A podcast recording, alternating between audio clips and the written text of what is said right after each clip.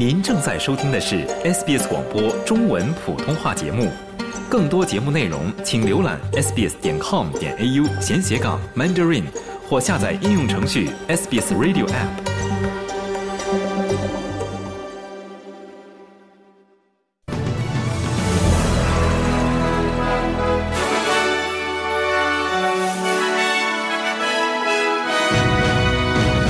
更多澳洲人加入农历新年庆祝活动。塔州工党为提前举行州选举做准备。以色列空袭造成加沙十七人死亡。俄罗斯袭击造成乌克兰七人死亡。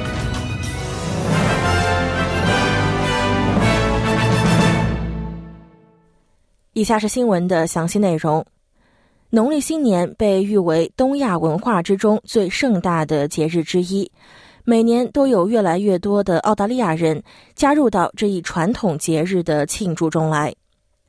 澳大利亚现在拥有亚洲以外规模最大的农历新年庆祝活动之一。专家称，这有助于澳大利亚作为一个多元文化国家的身份认同。悉尼正在组织为期十六天的庆祝活动，包括美食、音乐、艺术和表演，以及南半球最大规模的龙舟赛之一。二零二四年是龙年，龙代表着权力、力量和幸运。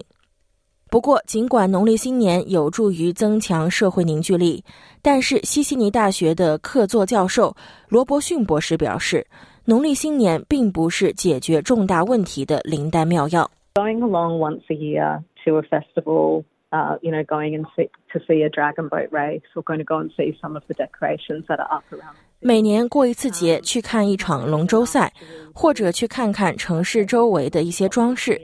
这其实并不足以真正建立一个有凝聚力的多元文化社会。与朋友、邻居和社区的日常联系和努力，以及努力参加一些不舒服或具有挑战性的事情，也非常的重要。塔斯马尼亚州的少数党政府仍因两名实力强大的独立议员而悬而未决，工党也在为提前举行州选举做准备。澳大利亚唯一的自由党州长罗克利夫与前自由党党内同事、现身为独立议员的塔克和亚历山大政见不合。塔克和亚历山大两人拒绝了州长提出的一项新的提案，该提案将阻止他们投票反对政府。罗克利夫威胁表示，如果两人不同意提案，将提前启动州选举。罗克利夫表示，他现在将安排时间考虑，并与同事们协商。他希望确保塔斯马尼亚州人民的稳定性和确定性。您正在收听的是 SBS 中文普通话节目。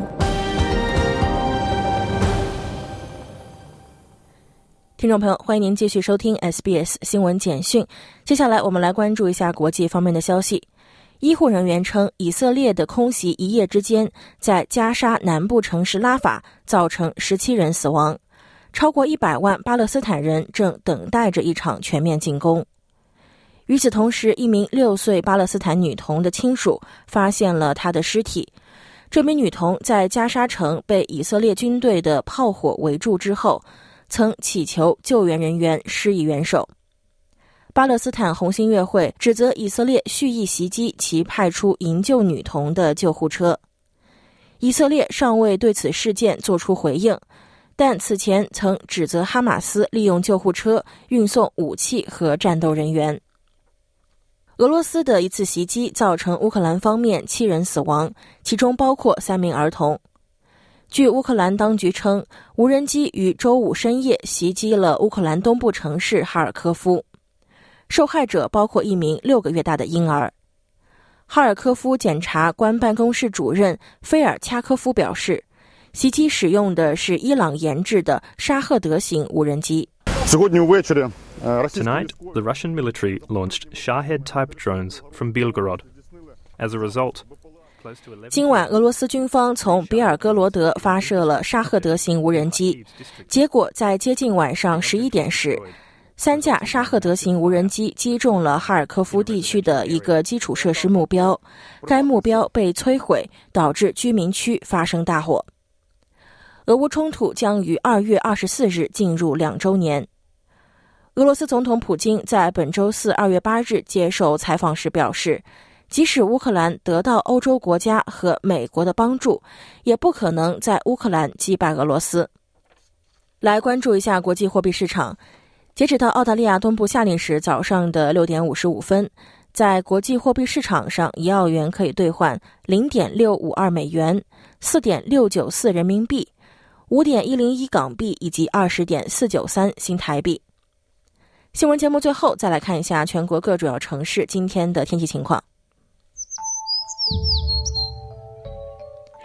悉尼时有阵雨，最高温度二十三度；墨尔本晴，最高温度三十三度；布里斯班时有阵雨，最高温度三十度；堪培拉多云见晴，最高温度二十六度；阿德莱德晴见多云，最高温度三十四度；珀斯晴，最高温度三十五度。达尔文阵雨可能有暴风雨，最高温度三十一度；霍巴特晴间多云，最高温度二十六度。